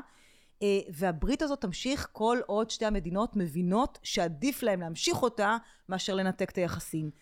מה שעוד מעניין בברית הזאת שהיא מאוד מתאימה את עצמה למציאות המשתנה. זאת אומרת, פעם הייתה נוסחה אחת שהתנהלה לפיה, היום הנוסחה היא קצת אחרת. זאת אומרת, מה הנוסחאות האלה? תראה, פעם הנוסחה הייתה נפט תמורת ביטחון. היום ארה"ב פחות ופחות צריכה את הנפט המפרצי, יש לה יכולת ייצור משל עצמה, אבל עדיין המחירים נקבעים במידה רבה מאוד במפרץ. אה, וארצות הברית היום צריכה את סעודיה מסיבות אחרות. היא צריכה את סעודיה כי היא יוצרת קשרים מאוד טובים עם ישראל, היא צריכה את סעודיה כגורם ממתן, היא צריכה את סעודיה כגורם שמייצר אסלאם אחר, אותו אסלאם שהמערב נורא רוצה לראות במזרח התיכון. היא צריכה את סעודיה בגלל המיקום האסטרטגי המאוד מאוד חשוב שלה, וסעודיה כמובן צריכה את ארצות הברית מהרבה מאוד סיבות. אה, שוב, היא צריכה את הברית בגלל שהיא מוכרת לה אה, נשק, ו, אה, ובעצם מי לא רוצה את הקשרים עם הברית? פה בנקודה הזו גם צריך להגיד שככל שסעודיה וישראל מתקרבות זו לזו, זה משפר את נקודת הפתיחה של סעודיה בעיני האמריקאים. מה באמת ה... טוב, אני רוצה לדבר על ההתקרבות של סעודיה לישראל בהמשך, אבל MBS היום, זאת אומרת, הוא... את חושבת שכל ה... ה... הירידה הזאת, באמת המאניה המשיחית הזאת שכמעט הייתה כשהוא הפציע, את חושבת שזה גרם לו אולי לשנות כיוון? את חושבת שהוא עדיין מקווה להיות אותו, בסופו של דבר שהמורשת שלו תהיה מורשת רפורמטיבית? אה, כבר יש לו מורשת רפורמטיבית, כן. לא צריך לחכות. תראה, הבן אדם הזה מעולם, מעולם לא תמך באותו אורח חיים שהוא נהג בממלכה שלו. אה, ואני חושבת שזה תרם מאוד ליחסים עם ישראל, בהרבה מאוד מובנים. כי אם אתה מבין שאתה צריך להציל עכשיו, ברגע זה, את המדינה שלך מההתמכרות שלה לנפט, ואתה צריך בעצם לגוון את הכלכלה ולנתק אותה מההיבטים הדתיים שלה, ואנחנו תכף נדבר על מה זה היבטים דתיים בכלכלה, אה, אתה פונה לישראל. אתה פונה לישראל כי ישראל היא במידה רבה מאוד מודל לחיקוי. אתה רואה מה זאת מדינה בלי משאבים, חוץ מהמשאב האנושי שלה, ואיך אם אתה עושה את זה נכון, אתה מקבל את אומת ההייטק המפורסמת, ואתה רוצה להעתיק את המודל הזה לתוך המדינה שלך. מעבר לזה, כשאתה בן 36, אתה לא uh, מתנהל אל מול הזיכרון הכואב של מלחמות ישראל אל מול מדינות ערב. זה לא מעניין אותך כהוא זה. אתה בשונה לגמרי מהמצרים ומהסורים ומהלבנונים, לא נושא את זה בתוך ה-DNA שלך. אתה מעולם לא ראית ישראלי נלחם מול אבא שלך או מול סבא שלך, אבל אתה כן ראית את היכולות הישראליות בהרבה מאוד דוגמאות, ולכן אין לך גם שום בעיה ליצור איתנו קשר. וזה דבר שמאוד מאוד מקדם את הקשרים בין ישראל לבין אה, סעודיה, שלא לדבר על הביקורת האדירה שיש למוחמד בן סלמן כלפי הפלסטינים ובעיקר כלפי המנהיגות הפלסטינית, שוב, בשונה מאוד מאבא שלו ומהמנהיגות הערבית המסורתית אה, דתית. אז MBS מבחינתו ממשיך בכיוון שאיתו הוא פתח, ממשיך ל... אין לו סיבה לשנות כן, את זה. כן. תראה, הוא, הוא נערץ על ידי הציבור שלו, זאת אומרת, אה, בוודאי שיש ביקורת מאוד מאוד קשה על הפגיעה האנושה בזכויות אדם, אבל יחד עם זאת יש הכרת תודה גדולה מאוד על זה שהוא פתח את המדינה הזאת בפני אה, דברים שלא היו שם קודם. תראה, אנחנו נתנו קודם דוגמאות על איך נראים האזרחים של הח... איך נראים החיים של אזרחים סעודים בשנות ה-20 לחייהם, פחות או יותר, לפני בואו של מוחמד בן סלמן. תלך היום בעיר ג'דה, שהיא התל אביב של הסעודים, ותראה נשים שלבושות אחרת לגמרי, שמשמשות כמנכ"ליות של חברות סטארט-אפ, שמתחתנות מתי שבא להן, אם בכלל. אתה יכול לשמוע מוזיקה מערבית בכל מקום. יש לך את אה, ג'סטין ביבר שמגיע לסעודיה כדי לפתוח את הפורמולה 1. יש לך את מופעי התרבות, הספורט, הכי טובים שרק יכולת להעלות על דעתך. פסטיבל המוזיקה הגדול ביותר במזרח התיכון נערך לפני כמה חודשים. על מה יש לך להתלונן? זה בדיוק החיים שפינטזת עליהם כל כך הרבה שנים, והבן אדם הזה הביא את זה בשבילך. הממ. עכשיו, הוא מרוויח הרבה מאוד נקודות שבעצם מרחיבות את חופש הפעולה שלו. הוא יודע שהוא יכול לעשות היום הרבה מאוד דברים, כי הוא נותן את הלחם והשעשועים האלה עבור האזרחים שלו, שכל כך הרבה שנים חיכו לזה. הקונטרסט הוא אדיר. אז איך זה שפתאום אנחנו שוברים שיא של הוצאות להורג באותו יום? מה הבעיה? אין שום... זה, זה לא סותר אחד את השני. שוב, אתה מתרץ את זה גם כי אתה הועלת למדינה, אתה הוצאת להורג טרוריסטים. כן. עכשיו, אני רק רוצה לתת לך דוגמה מי זאת טרוריסטית. אה, אחד הסיפורים המפורסמים בסעודיה אה, נוגע ללוג'נה אלדלול, שהיא הייתה אה, הפנים של מאבק הנשים למען זכותן לנהוג. היא מעולם לא התכוונה להיות מנהיגת המאבק, אבל היא הפכה להיות כזו. באחד הימים היא נוהגת יחד עם החברה שלה באוטו המשפחתי, והיא עושה את זה בכוונה בגבול שבין איחוד האמירויות הערביות לבין סעודיה, כדי להראות את הקונטרסט ההזוי הזה בין מדינה היחידה בעולם שבה לנשים אסור לנהוג, סעודיה, לבין איחוד האמירויות הערביות, בת ברית של סעודיה, שבה כמובן שלנשים מותר לנהוג. המשטרה עוצרת אותה, אה, ומה שבדרך כלל היה קורה במקרים האלה זה שמשחררים אותם תוך כמה שעות ובזה נגמר, אבל במקרה הזה מחליטים להפוך אותה בעצם ליראו וייראו, ומהר מאוד משייכים לה כל מיני סעיפי אשם שאין לה שום קשר אליהם. הופכים אותה לטרוריסטית, מחליטים לשפוט אותה בבית משפט לענייני טרור, כי ככה אפשר להטיל עליה עונש מאוד מאוד כבד, אפשר להפוך אותה לאויבת האומה, ובעצם הדבר היחיד שמציל אותה, אחרי שהייתה שלוש שנים במעצר ועברה עינויים קשים ביותר, מעמידים אותה למשפט, היא מקבלת שש שנים בכלא, אבל למזלה הגדול באותה תקופה נבחר ביידן, באותו שלב מוחמד בן סלמן מאוד פוחד מביידן, וממירים לה את העונש מעונש בכלא לעונש בעצם בבית שלה, והיא יושבת בעצם בבית שלה היום ו- ו- ומרצה את עונשה, אבל זו דוגמה לטרוריסטית. אישה שהייתה פעילה למען זכויות נשים, ולכן כל הסיפור הזה של טרור צריך לקחת אותו בערבון מאוד מוגבל. את דיברת על השפעות um, דתיות על הכלכלה, למה, למה התכוונת? אני אתן לך דוגמה, תראה, בעיקרון אה, כל אדם מאמין, מוסלמי כמובן, צריך להתפלל חמש פעמים ביום. אה, לפני בואו של מוחמד בן סלמן, אה, זמני התפילה היו חלק אינטגרלי מיום העבודה, בוודאי במגזר הציבורי. עכשיו, לא היו שעות וזמנים קבועים. אם אתה למשל אזרח סעודי, רוצה אה, ללכת לאחד מהמשרדים הציבוריים ולעשות איזה שהם סידורים בירוקרטיים, יכול להיות שאתה תגיע למשרד ואתה תגלה שהוא סגור. למה? כי אותו פקיד שאמור לתת לך שירות, כרגע הלך להתפלל. עכשיו, אורך התפילה לא ידוע. המקום שבו הוא הולך להתפלל לא ידוע, זה יכול להיות עניין של עשר דקות, וזה יכול להיות חצי שעה, וזה יכול להיות גם שעה. ובעצם המשמעות היא שהרבה מאוד אנשים הולכים להתפלל הרבה מאוד זמן על חשבון יום העבודה, ומדובר פה על הפסדים של מיליוני דולרים שיורדים לטמיון. עכשיו, בעלי העסקים הפרטיים בוודאי לא רוצים את זה. למשל מסעדות שנאלצות להיסגר בגלל שיש זמני תפילה. אבל רגע, אנשים רוצים לאכול, אנחנו בעלי המסעדה רוצים לפתוח את המסעדה. למה לדפוק לנו את העסק? אבל אין ברירה, כי ככה קבעה המדינה. יגיע מוחמד בן סלמן ויגיד לא, מי שרוצה לפתוח את העסקים שלו, בבקשה, אין שום בעיה. ובעצם אתה רואה איך הכלכלה פה מתנתקת מחבלי הדת ו- ופורחת. אה, וכשהוא לא היה שם, זה לא קרה. אה, אותו סיפור של הדת גם זלג לתוך אה, בתי הקולנוע. אמרנו, במשך 40 שנה לא היו בתי קולנוע בסעודיה בגלל שאנשי הדת לא אפשרו לזה לקרות. מגיע מוחמד בן סלמן ואומר, רגע, מה זה הקשקוש הזה? למה אסור בתי קולנוע בסעודיה? הרי אנשים בסעודיה כן רואים סרטים.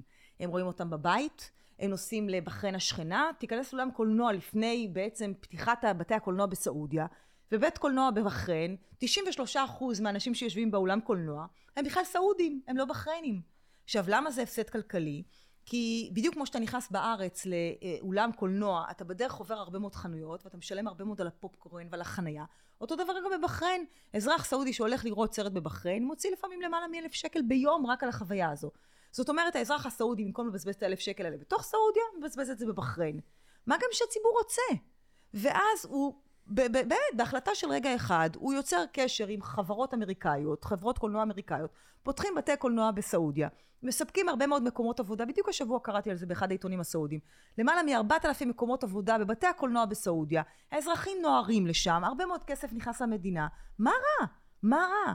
ובעצם כל אותם מקומות שהדת נגסה בכלכלה, המקומות האלה הולכים ומתנתקים לטובת uh, מעבר לכלכלה מודרנית, מתפתחת.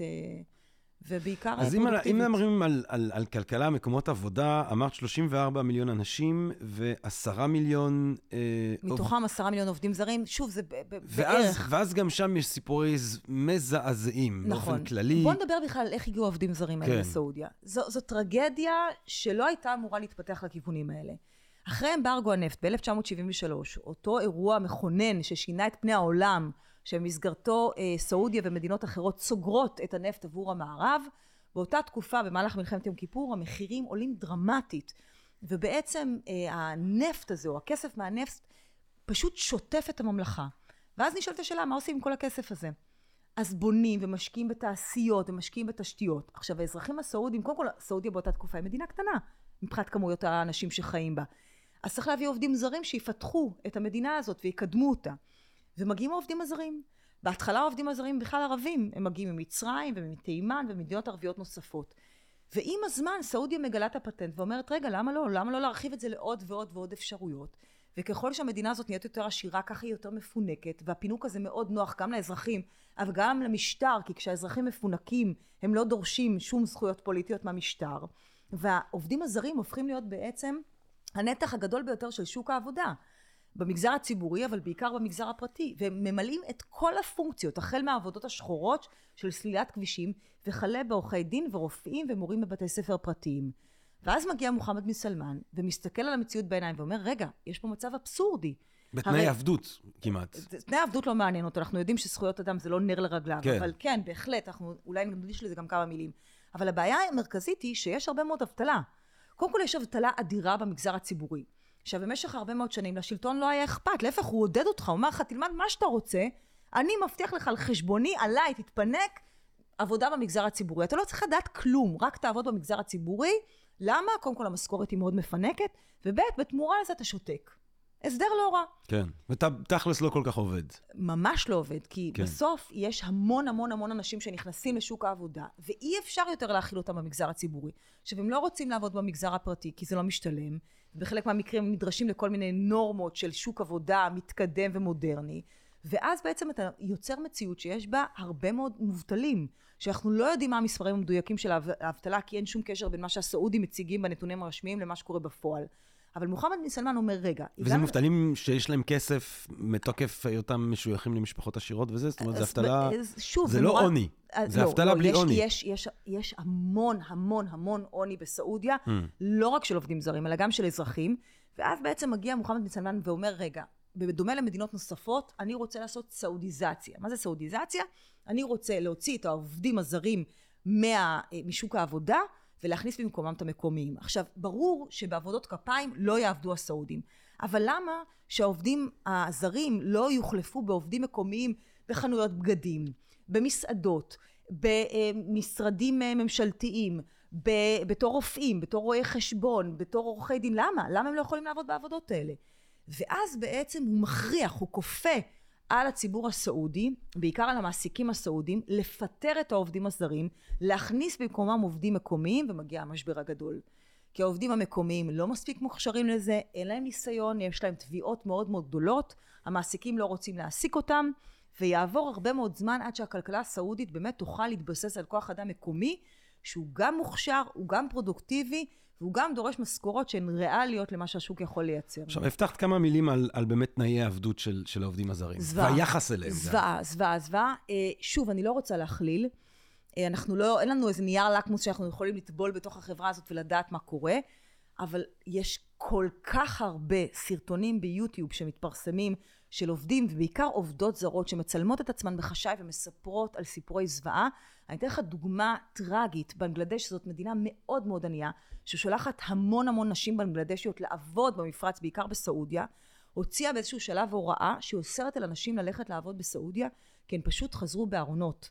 הן עוברות שם אה, באמת טלטלות איומות, ותחשוב שאם הגברים רק מנוצלים כספית ועוברים עינויים פיזיים, הנשים האלה גם, גם חוות אה, טרגדיות קשות ביותר, שכרוכות לא פעם בניצול מיני איום ונורא.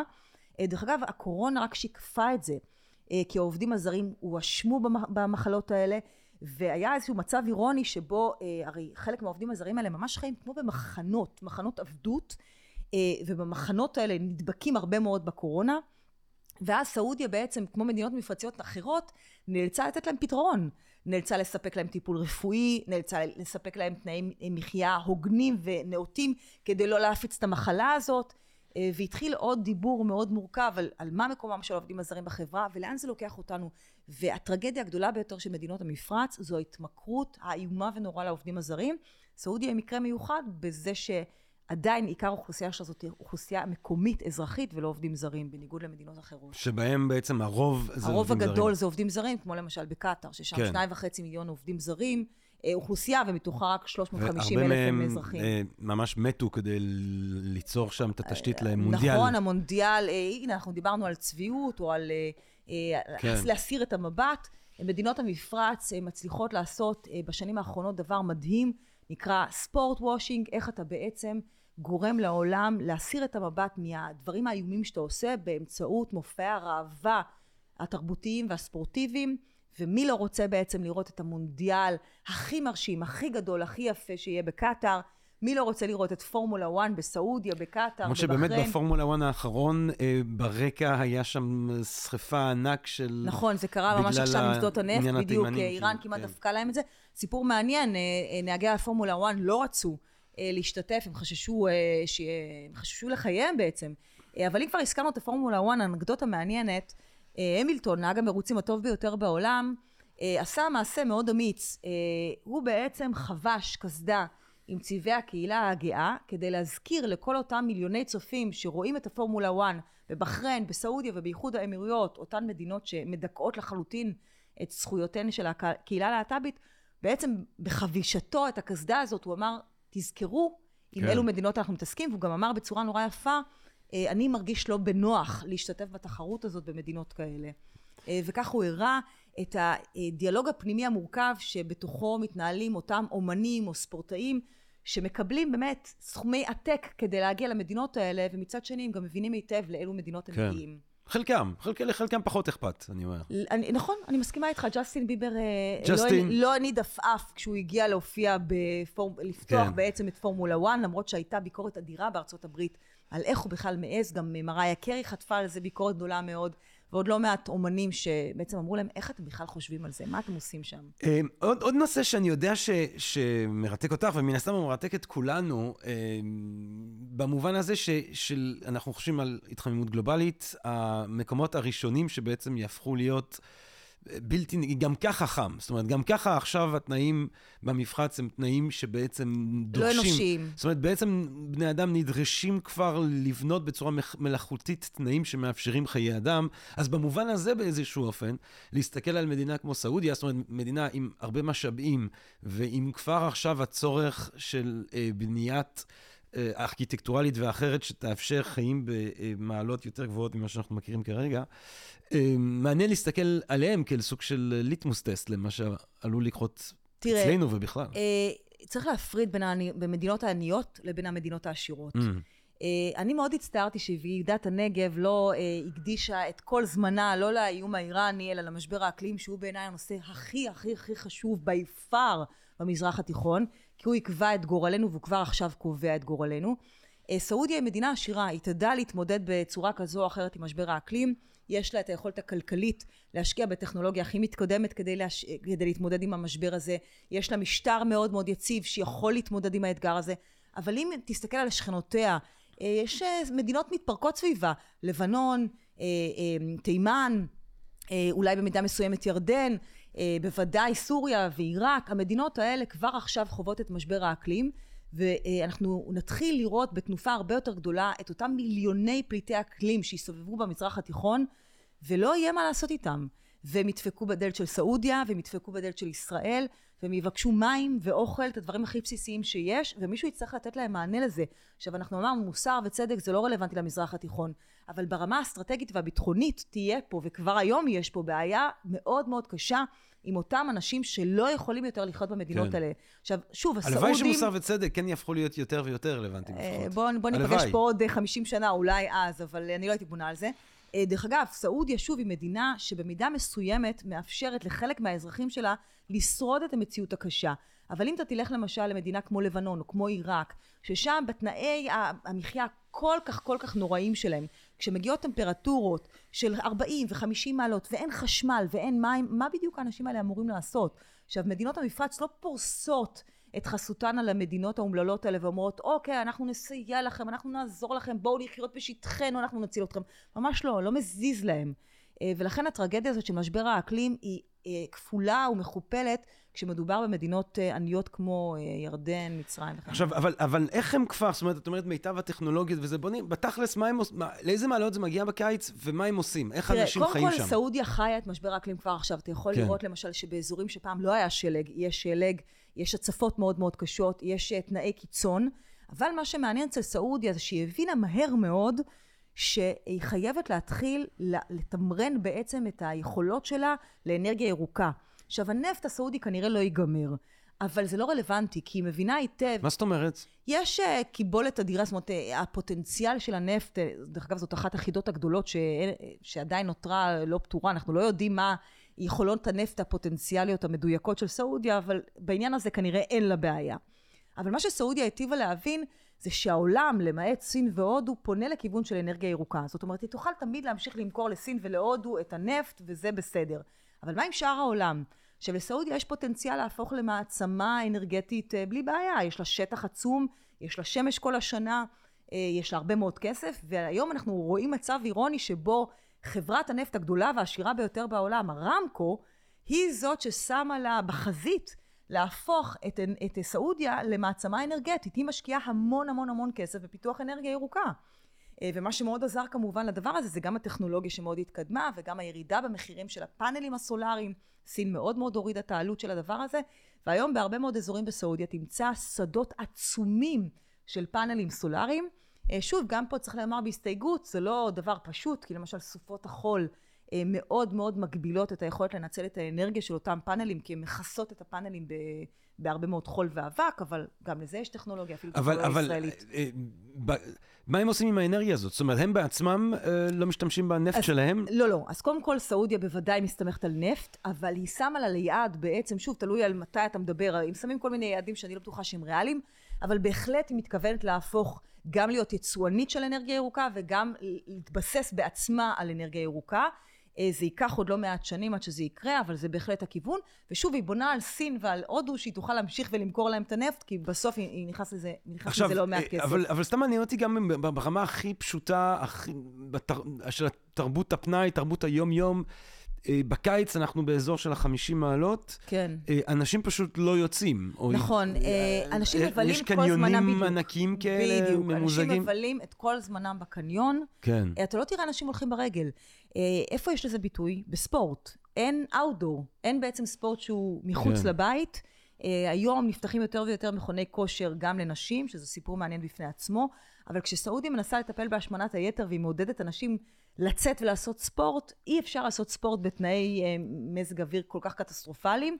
אה, שוב, זה לא כל השנה, אבל בקיץ בלתי אפשרי להיות שם בחוץ. זאת אומרת, יש מצב שה shopping mall, שירד קצת מתהילתו, בשנים לא הקרובות... במדינות עוד- המפרץ, עוד- ממש הוא לא. הולך עוד לחזור. כן, ושם הם גם דיזנגוף בונים... סנטר, תחזיק מעמד, תחזיק מעמד. לא, והם גם בונים ימי שם כל הזוהר של מיני, מייקל אה, ג'קסון עוד יחזרו. אתה יודע, כל מיני, אה, הם מכניסים כל מיני כאלה אה, מגרשי החלקה על קרח, נכון, שזה בכלל, אתה נכון. אומר, מה כל כך דחוף לכם בבדידיה כל כך חמה אוי, לעשות... זה אה, כיף. אתה יודע, כשאני הייתי ילד, אה, מגרשי הגלשה על קרח, הייתי סובל 40 דקות, ואז אומרים, טוב, 5 דקות והולכים, ואז הייתי מתחיל ליהנות. כן, לקראת הסוף. אמ, אני רוצה לשאול אותך, אם כבר לקראת הסוף, אני רוצה לשאול אותך ככה, אה, מן הסתם אנחנו רוצים לדבר על ה... מתי הוא מגיע, MBS? מתי אנחנו נארח אותו לירושלים, החתיך אז המשוגע הזה? לי נורא נורא חשוב אה, להבהיר שלא צריך לרוץ פה מהר מדי. אה, עשינו המון המון טעויות ביחסים שלנו עם מדינות המפרץ, במיוחד עם סעודיה. דחקנו אותה לפינה שלא הייתה נוחה לה. מה זאת אומרת? אה, הרבה מאוד ברברת מיותרת של אה, פוליטיקאים ישראלים שהתגאו ביחסים שיש לנו עם מדינות המפרץ, ה, אה, אתה יודע, אה, אני לא, לא, לא אנקוט בשמו של אותו פוליטיקאי, אבל אה, אה, שמעתי פול, את הפוליטיקאי הזה ורבים אחרים שהם ביבי, מספרים... לא ביבי. לא, לא ביבי, דווקא לא הוא. ביבי, אם אתה אה, שומע אותנו, נשמח אה, לארח. אולי צריך לארח את... למה שלא נארח את ביבי, אה, תובל? אתה יודע, הוא הולך לכל מיני פודקאסטים של אחרים. תובל רוזנבסר מ-Think and Ring Different. תשלח וואטסאפ. בכל מקרה, מה שקרה זה שישראל נורא רצה לספר לחבר'ה, ואני לא בטוחה שזה הדבר הנכון לעשות. עכשיו, צריך להבין, המקרה של איחוד האמירויות ושל בחריין הוא לא המקרה הסעודי. סעודיה היא מנהיגת העולם המוסלמי, סעודיה במידה רבה מאוד מנהיגת העולם הערבי, יש לה סייגים ויש לה מגבלות שאין למדינות אחרות. הפיל בחדר שאנחנו מתעלמים ממנו לחלוטין, הסוגיה הפלסטינית, זה בהחלט מכשול שיהיה קשה מאוד לעבור אותו בהקשר של הסעודים. עכשיו זה נכון ש-MBS הוא מגדול המבקרים של ההנהגה הפלסטינית, הוא חושב שהם לא עושים כלום, אלא בדיוק להפך מזיקים לעם שלהם, הוא חושב שהם תקועים באמירות שלא השתנו במשך 70 שנה, אבל זה לא משנה את העובדה שיש לו איזושהי מחויבות לסוגיה הזאת, ואני חושבת שבמקרה של סעודיה יהיה מאוד מעניין לראות איך הקונסטלציה הזאת אה, בעצם תתקבל בעולם הערבי, כי בהחלט יכול להיות שסעודיה תדרוש תמורות מסוימות מישראל, שבמדינות אחרות לא ראינו את זה קורה. אבל באמת כ- כסוג של הבירה הרוחנית של העולם המוסלמי, אמ, הרחבת הסכמי אברהם שיכללו את סעודיה זה צעד שיש לו משמעות מיוחדת, היית אומרת. אדירה, דרך כן. אגב, בעיקר משמעות כלכלית בעיניי.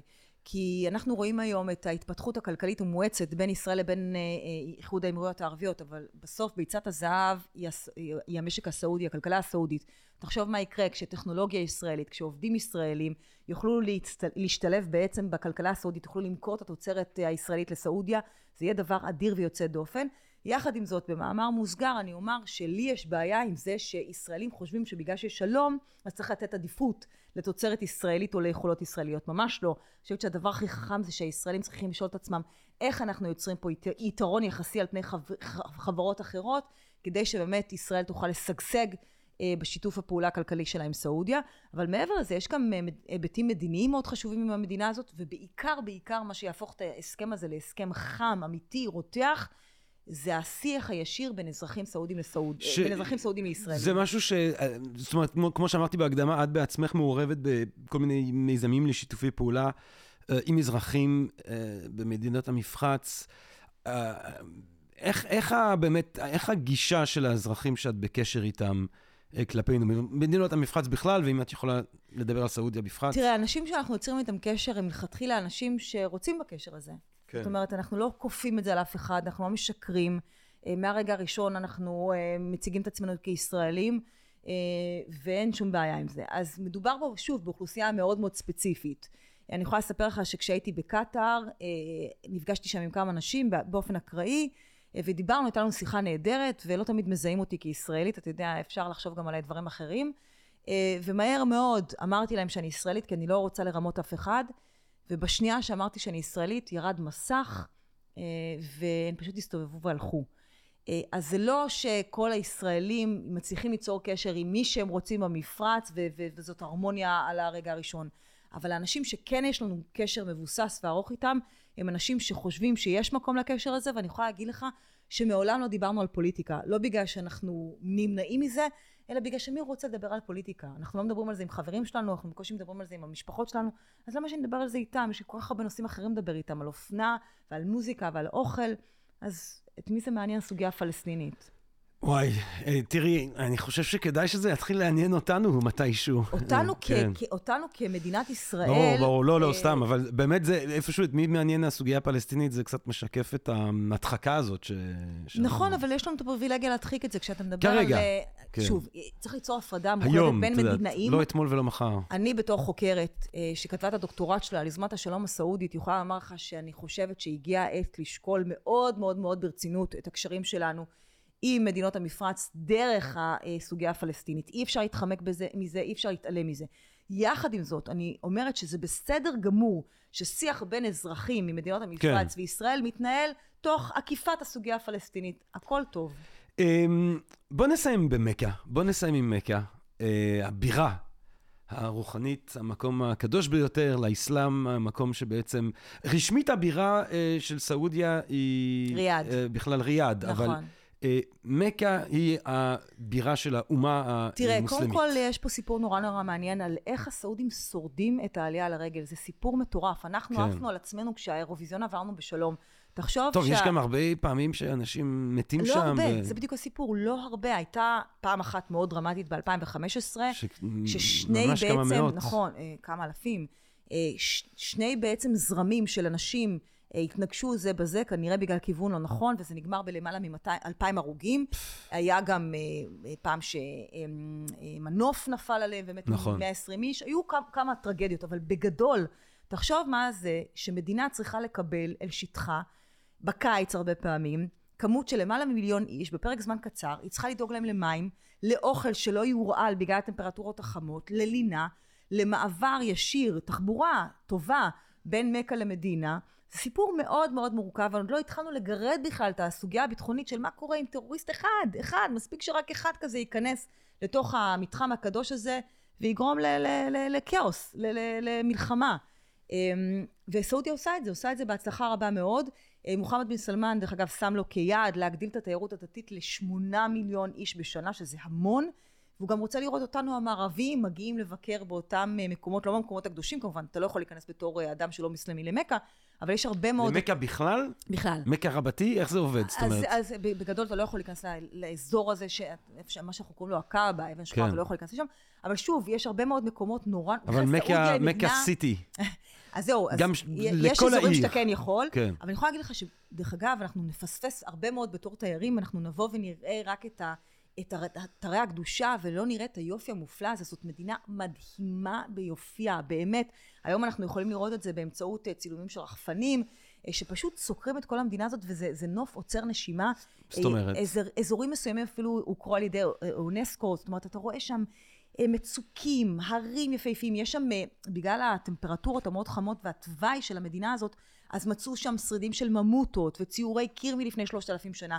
היום הרבה מאוד חוקרים עולים לרגל לסעודיה כדי בעצם לגלות שם אוצרות שיספרו את סודות האנושות. זאת אומרת, זאת מדינה מאוד מאוד מאוד מיוחדת, הרבה מעבר לסיפור הדתי והסיפור השלטוני שלה. אני מאופנטת ממנה מדי יום, באמת. את חושבת שעוד תזכי בחיים האלה לבקר שם כתיירת אני אה, בטוחה, ברוכה? אין לי כן? ספק, אין לי ספק. אני לא אוותר על זה, אני לא אמות עד שאני לא אגיע עד לסעודיה. שלא תעשי חאג'. כן, לגמרי. חאג' פחות, אבל uh, אני גם מאמינה שיום יום יבוא ואני אלחוץ את ידו של אה, מוחמד בן סלמן אה, על אף הבעייתי. יש לך, יש לך קטע עם MBS. אה, לגמרי. דרך. אגב, אני יכולה לתת לך אנקדוטה או, קטנה. בר- מה, ברור. שתמיד כשהייתי מדברת עליו בתחילת דרכו, אני לא אציין על, על איזה איש תקשורת אני מדברת, אבל הוא אמר לי, תקשיב, כשאת מסתכלת עליו, כשאת מדברת עליו, העיניים שלך בורקות, כאילו את מדברת כן. על, על, על בעלך. ונכון, אני חייבת להגיד, בהתחלה אני הייתי מאופנטת ממנו, וגם היום עדיין, היה לך עדיין... קראש, קראש קטן ל-MBS. עדיין אני נורא נורא נורא רוצה לפגוש אותו. כמו שמעניינים רוצחים סדרתיים, כן. מעניין או, לפגוש- רק שנייה, כי רוצה... כן, מעניין, מעניין לפגוש את זה הבן אדם מה הזה. שאת חושבת ש... אני יודעת? שכשאני אסתכל על הפנים שלו, אני, אני אראה את פניו של אה, אותו עיתונאי שנרצח. אין לי ספק, אני מאחלת לעצמי לא לשכוח את זה לרגע, וגם את אותם קורבנות אומללים שנהרגו בגללו בתימן. את זה אני רוצה לראות בתור הדבר הראשון כשאני אלחץ את ידו, ורק אחר כך את הדברים הטובים שהוא עשה למדינה שלו. דוקטור מיכל יערי, וואו, תקשיבי, איזו סקירה אה, מלאת אנרגיה ו- ו- ובקצב, ואני למדתי המון. איזה כיף. וואו, ממש. לא תובל רוזוורס מתיקה מדיפרנט, התעלית על עצמך, תובל. אה, בזה שהוא הצליח כאילו אה, לגרום לזה שתסכימי לבוא. יש עוד איזה משהו שאולי את רוצה לומר שלא... אה, נראה לי שמיצינו. כן, להיום, אבל אני אשמח שתבואי שוב ונדבר יאללה, על נושא אחר בכיף. אתה יודע שאני. יכולה לדבר עליה בלי הפסקה. כן. אין ספר מתח יותר טוב מלקרוא את סעודיה. אין, לא כן. נכתב. טוב, זה- זה מבוא. יש לנו פה כאילו אה, טריילר, ל- ל- ל- ול- ולכל מי שרוצה לשמוע עוד, אפשר לעקוב אחריו, אחרייך, אה, בהרצאות הרבות שלך וב- אה, וגם בתקשורת. אה, דוקטור מיכל יערי, תודה רבה רבה רבה תודה. לכם על האירוח המקסים. בטח, כיף לי. בטח, זה היה מרתק, כיף גדול. אה, ותודה רבה לכם, לקהל הקדוש שלנו כאן בפודקאסט של Think and Ring Different בסקרינס. אה, שמח מאוד שאתם איתנו, אה, מקווה מאוד שנהנתם מהפרק הזה, מהפרקים שכבר הקלטנו, מאלה שבעזרת השם נמשיך ונקליט, ובינתיים, כל טוב, רק בריאות, אהבה רבה, ונשתמע. תודה רבה. תודה.